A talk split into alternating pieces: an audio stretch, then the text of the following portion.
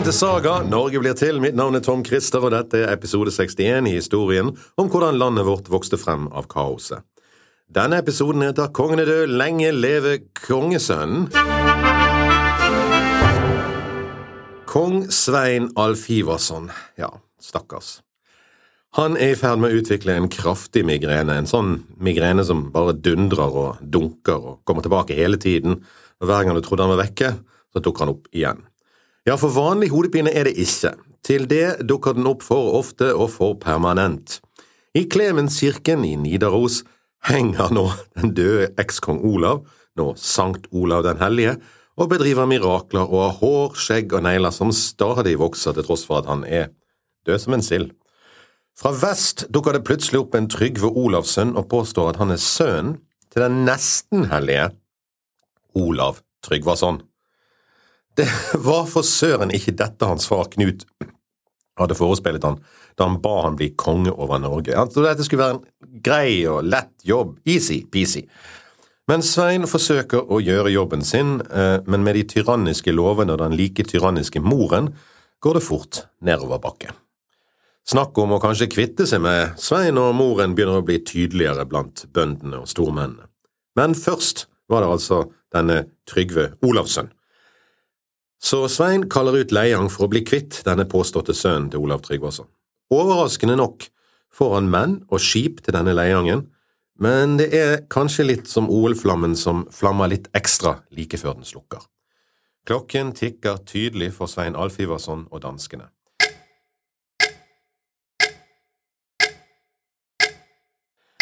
Det er verdt å merke seg at Svein kalles ved sin mors navn ofte, ikke sin fars kong Knut den mektige. Han kan også kalles Svein Knutsson.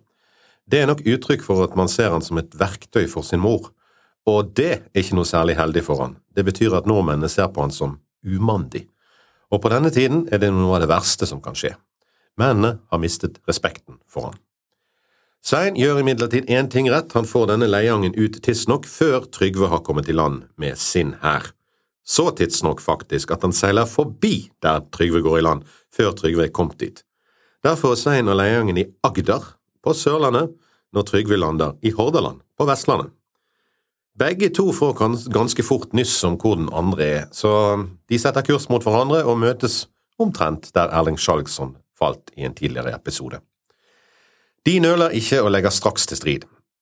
Og hvem er denne Trygve som nå kjemper om kongsmakten? Det er ikke helt uvanlig at det dukker opp folk som påstår de har slektskap til både den ene og den andre, og helst til Harald Hårfagre. Vel, vi vet ikke helt, men unge, onde tunger vil ha det til at han er sønn av en prest. Han styrker vel de i troen som tror at han er sønn av Olav Tryggvason når han kaster spyd med begge hender, sånn som Olav var kjent for å gjøre. Samtidig styrket han de som trodde han var prest, da han skal ha sagt Slik lærte min far meg å messe, når han kaster spydene. Det blir et stort mannefall, men det er Svein som vinner til slutt med hjelp av norske leiangshær. Det er fred denne vinteren etter at dette har skjedd, og Svein puster ut i Sør-Norge. Men når katten er borte, så danser musene på bordet, og de danser ja, det er nesten så de danser sørkoreansk pop, og i flokk. For når Svein ikke er i Trøndelag, da kan noen av de gamle jarlepretentene og med det mener jeg egentlig Einar Tambarskjelv og Karl Arnesen, møtes uten at det blir lagt så mye merke til, og nå begynner ting å snu til det verre med sedvanlig hurtighet. Einar Tambarskjelvet og Kalv Arnesen finner det for godt å dele en øl i Nidaros, og de er enige om mye. Og var de uenige før, så blir de helt enige da Kalv plutselig får et brev fra kong Knut mens de sitter der. Kong Knut ber kalv om tre tylfter økser, vil si tre ganger tolv, vil si 36 økser. De skal være flotte og forseggjorte. Da mister kalv fullstendig besindigheten og sier til sendebudet Ingen økser sender jeg til kong Knut, men jeg skal skaffe hans sønn Svein så mange økser at han ikke skal klage på at det mangler økser. Men som alltid, måten et våpen blir overlevert på er viktig for liv og helse, og det er ingen tvil om hvordan Kalv mener at dette våpenet skal overleveres, og hvor de øksene skal gjøre nytte for seg, for eksempel ved å gjøre kong Sveins hode et hode kortere. Nå er alle broer brent for Kalv, men hva er det de pønsker på han og Einar? Til våren blir det klart, i hvert fall for de som er nær de. De har tenkt seg østover, langt østover. Helt til Holmgard, faktisk, i Garariket, dagens Ukraina og Russland. Der har de planer om å hente hjem Magnus, Olav den helliges lille sønn, og det gjør de. De gjør det i for tiden ordnede former og får tillatelse av kongen i Gararike til å ta Magnus med. Dette var menn som hadde kjempet mot Olav den hellige på Stiklestad. Nå, derimot, sverger de ed til Magnus, hans sønn, mot at han lover alle som vil skifte side, grid og de samme betingelsene som de før hadde hatt. Men Magnus er mindreårig, kanskje elleve år gammel. Den alltids åndsnærværende og alltid på vinnerlaget i alle slag, Kalv Arnesen, gjør seg til Magnus' fosterfar. Dermed kan han styre riket gjennom Magnus, tror han. Men altså, en elleveåring, skal dette barnet bare komme og forsøke å kaste Knut den mektige sønn ut av Norge? Det kan ikke være mulig, kan det det? Det hadde det kanskje ikke heller vært, hadde det ikke vært for fire ting. Hans fars helgenkåring, at Svein var helt feilplassert i landet, at Svein og Alfive hadde styrt med så hard hånd at alle vendte seg mot de, og sist, men ikke minst, hans stemor. Magnus har en stemor, Astrid, Olavs enke. Hun er alt annet enn den onde stemoren fra eventyrene. Når Magnus kommer til Svitjod fra Gareriket, for han må jo gjennom der for å komme til Norge, er det ikke akkurat med et stort og voldsomt imponerende følge. Ferden kunne stoppet der og da. Svenskene er ikke særlig lystne på å forsøke nok en invasjon av Norge. Det ville i tilfelle bli det slags tredje forsøk, og ingen av de tidligere hadde endt så fryktelig, fryktelig bra. Det å støtte en barnekonge var ikke en del av svenskenes plan. Einar Tambarskjelv og Karl Varnesund var stormenn med store ressurser, men deres styrke lå hjemme i Trøndelag. De trengte menn for å komme over grensen med styrke for å unngå et nytt Stiklestad.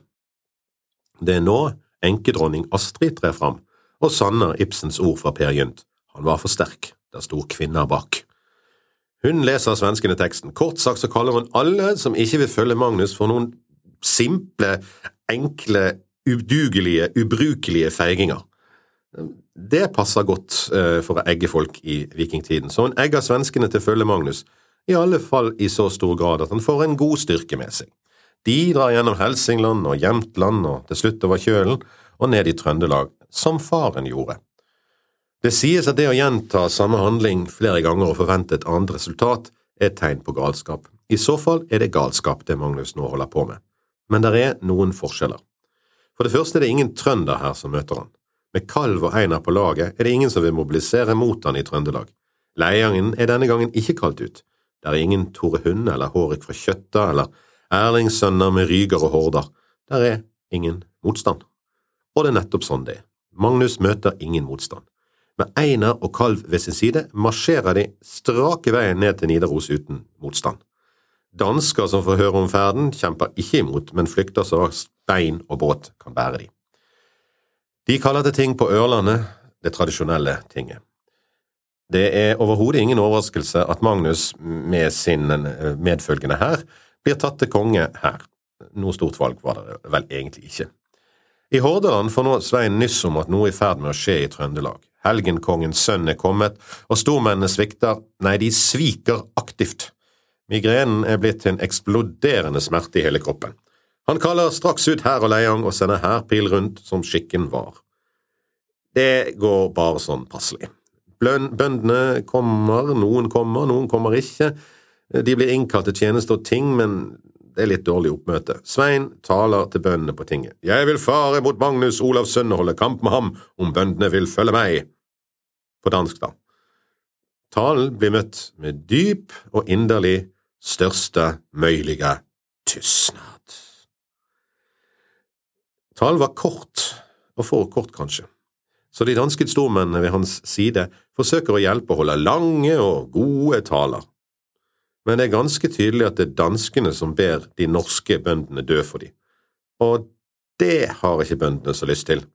Det vil si, noen sier de vil følge, andre bare tier, atter andre sier, de, sier at de vil bli hjemme, og andre igjen sier rett ut at de heller vil kjempe på Magnus' side. Altså, det er ganske tøft sagt.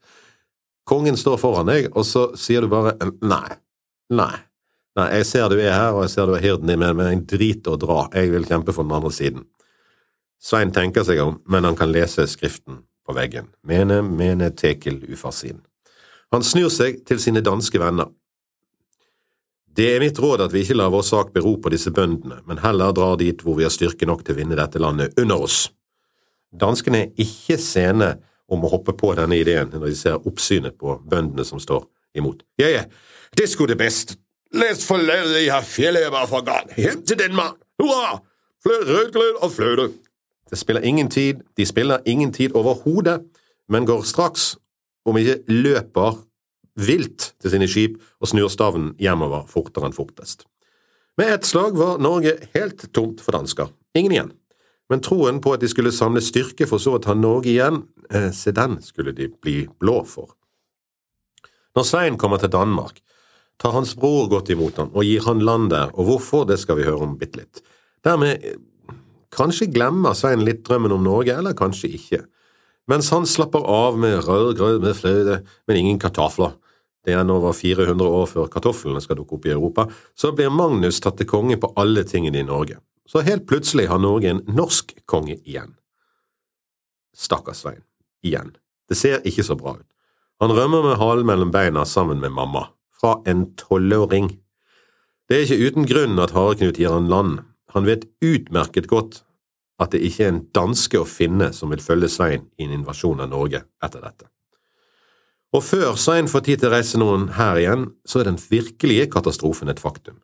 Knut den mektige dør. Det er ikke Svein som blir kalt til konge over England, for han dør samme vinter, altså Svein. Tilbake står hans bror Harald Harefot som konge over England, eller regent over England, i påvente av Hareknut, som er konge over Danmark. Med alt dette på tapeten og ydmykelsen til Svein friskt i minne, har ikke knytlingene eller Knuts etterkommere tid til å tenke på Norge. De har nok med å få kontroll over egne riker. Det var nemlig ikke helt automatikk i hvem som overtok etter en død konge. Mange mente seg kallet, og i England var det samlingen av stormenn kalt Vitengarmot som valgte. Og det ble trøbbel når de skulle velge, som vanlig. Knut den mektige hadde faktisk utpekt sin sønn Hareknut, altså den som satt som konge i Danmark, som etterfølger både over England og Danmark. Men Hareknut kunne ikke reise fra Danmark uten videre, for de fryktet en norsk invasjon fra Magnus. Ja vel, det var kanskje ikke så helt usannsynlig, men ikke direkte sannsynlig likevel. Den elleve år gamle kongen og hans rådgiver hadde bestemt seg for å komme en død Svein i forkjøpet, og Magnus hadde ute Leiang. Det forhindret Hareknut fra å komme seg til England. For å gjøre en lang og spennende historie altfor kort, i Hareknuts fravær klarer Harald å bli utnevnt til regent i England, mobiliserer en hær og mot enkedronning Emmas store protester bryter de seg inn i Winchester og tar kontroll over skattkammeret, alt gullet og riket. Det tar tid før Hareknut kan reise, så i mellomtiden sikrer Harald Harefot sin stilling og blir valgt til konge over England. Hva holder Hareknut på med i Danmark? Jo, han og Magnus befinner seg nå på hver sin side av elv, eller Jøtaelv. Det er den tradisjonelle grensen mellom Danmark og Norge den danske hæren på sydsiden og den norske på nordsiden, naturlig nok. Der står de som to sinte okser og skraper kloven i sanden. Men ingen blinker, og elven er for bred til å begynne å kaste spyd og skyte piler på hverandre og sånt. De kan bare se på hverandre. Begge kongene er unge, Magnus er 12-13 og Hareknut 18-19. Forskjellen er vesentlig, Hareknut er voksen etter den tids standard, og for så vidt dagens, mens Magnus, han er et barn. Likevel er det ikke kong Hareknut som møter de norske stormennene. Nei, tvert imot, det er de norske og danske stormennene som tar kontroll over situasjonen, og de virker å være interessert i å få slutt på denne konflikten så fort som mulig. Vi kan nesten høre Einar Tambar skjelve. Nei, la de ungene leke, så la oss voksne og kloke menn rede ut dette her, siden kongene er unge og barnslige. Unge og barnslige. Ja, det sier faktisk sagaen. Men Hareknut er jo ikke barn, han er jo beviselig voksen, men allikevel beskrives han som barnslig. Til slutt møtes kongene til forliksstevne etter at alt sammen egentlig er avtalt, og der blir det offisielt avtalt fred mellom landene, mellom Norge og Danmark, med ett merkelig tillegg.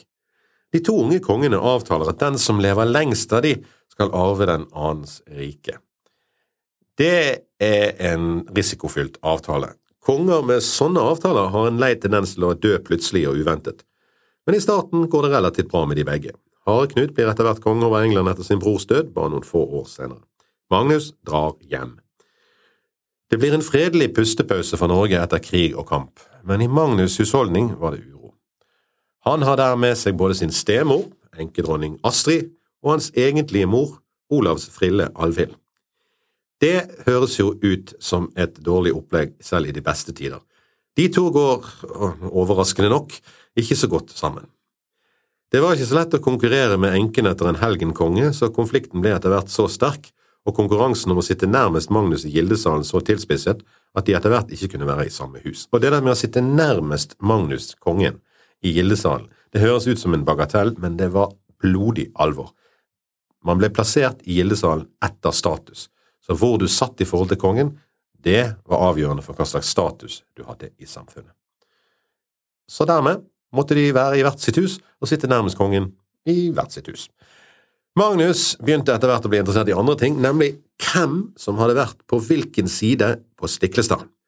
Kalv var jo hans fosterfar, men ettersom tiden gikk, ble Magnus mer og mer skeptisk til Kalv, og det kan en forstå. Magnus bygger sin rett til å styre på sin fars hellighet. Han får laget et forseggjort skrin som farens levninger kan legges i, sånn at de slipper å henge over alteret på Klemenskirken. Mange undre skjer ved det skrinet, ifølge sagaen. Blinde får synet tilbake, og alle den slags småting skjer som helgener kan hjelpe med i de dager. Det hadde kanskje vært løsningen for sykehusbudsjettene, en helgen eller to på akutten. Men som sagt, Magnus begynner å se seg rundt etter de som drepte hans far. Tore Hund har sett den skriften på veggen for lengst og reist fra landet. Ting kan tyde på at han angrer på drapet. Han sies å ha dratt på pilegrimsferd til Jerusalem. I 1030-årene er det ikke en helt enkel reise å gjennomføre, så ingen har noensinne hørt noe mer til han. Hårek fra Kjøtta derimot, han er fortsatt i landet. Han får det av en eller annen grunn for seg at det er en god idé å dra og hilse på den nye kongen, altså sønnen til den faren han var med og drepte. Jaha, han seiler til Nidaros for å treffe kongen. Kanskje Hårek tror at siden han har klart å være venner med absolutt alle konger opp gjennom årene, så burde det gå bra nå òg. Når Magnus ser han komme ut av skipet og opp bakken, så ser også en av hans menn, en Asmund Grankelsønn, det. Og med det får Asmund en plass i sagaen. Han får det for seg nemlig at dette er et godt tidspunkt å hevne seg på Håreks bedrifter på Stiklestad. Asmund drar fram en tynnhamret øks og skal til å gå mot Hårek. Magnus stopper han, men ikke for å hindre han i å gjøre noe. Magnus gir han heller en, heller en annen øks. Ta heller min øks.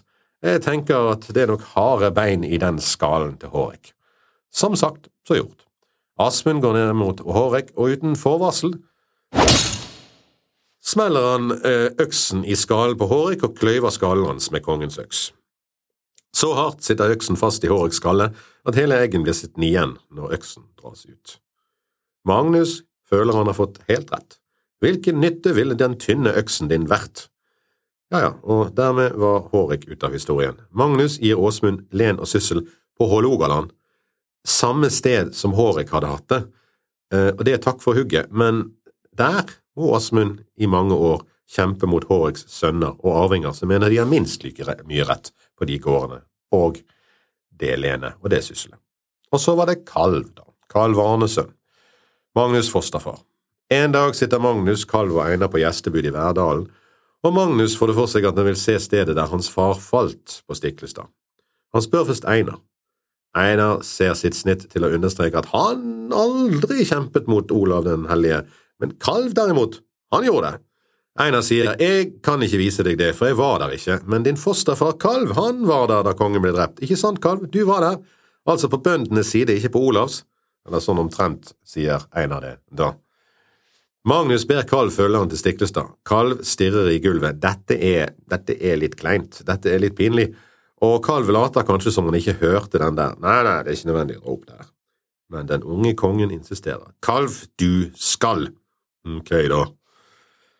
Kalv skjønner at dette neppe kan lede til noe bra, så han ber mennene sine om å bære alt de eier og har til skipene og gjøre klar skipene, sånn for sikkerhets skyld. Så drar kongen og Kalv til Stiklestad. Magnus får Kalv til å peke ut stedet der Olav falt. Hvor var du, da, Kalv, spør Magnus. Hvor sto du? Jeg sto her. Nå var det tydelig å se at kongen ble opphisset. Han er rød som blod i ansiktet. Da kunne du nå ham med øksen. Ikke nådde min øks ham, sier Kalv litt eh, fårete. Tusen år senere aner vi faktisk ikke om Kalv snakker sant her, det var jo en annen kalv, beleilig nok, ved hans side i slaget, og hver kalv påstår at det er den andre kalv som traff Olav med øksen sin, men det vet ingen. Men Kalv skjønner at uansett hvem det var av de kalvene som traff Olav med øksen, så løper hans tid ut. Og han løper til hestene sine, rir bort i galopp til skipet som hans menn har flyttet alt de eier og har over i, og seiler ut av historien. Det sies at han ikke stoppet før han kom til Skottland, videre til Irland og Syderøyene. Eller Hebridene, da. Magnus tar Kalvs store gods i Trøndelag. Nå fortsetter Magnus å hevne seg på de som var på feil side i Stiklestad. Han straffer, han konfiskerer eiendom, og roter til slutt opp de samme følelsene som hans far og danskene har rotet opp før. Misnøyen begynner å bre seg, og det går nå rykter om et opprør. Skal Magnus aldri bli noe mer enn en barnekonge? Skal Norge falle for egen hånd igjen? Og skal Hareknut få landet per avtale? Det får vi høre mer om i neste episode. Det vi vet, er at nå er det bare Einar Tambarskjelvet som er kongens beste rådgiver. Vi avslutter med et vers fra Håvamål. Vesalmannen og Meinkroken alltid laster og lær. Ikkje han veit, det han vita turfte, han sjølv hev last og lyte. Den lille mannen, lille som i smålig, laster alle andre menn, ser ikke sine egne feil som han burde. Jeg er Tom Christer, og dette var episode 61. Kongen er død. Lenge leve kongesønnen.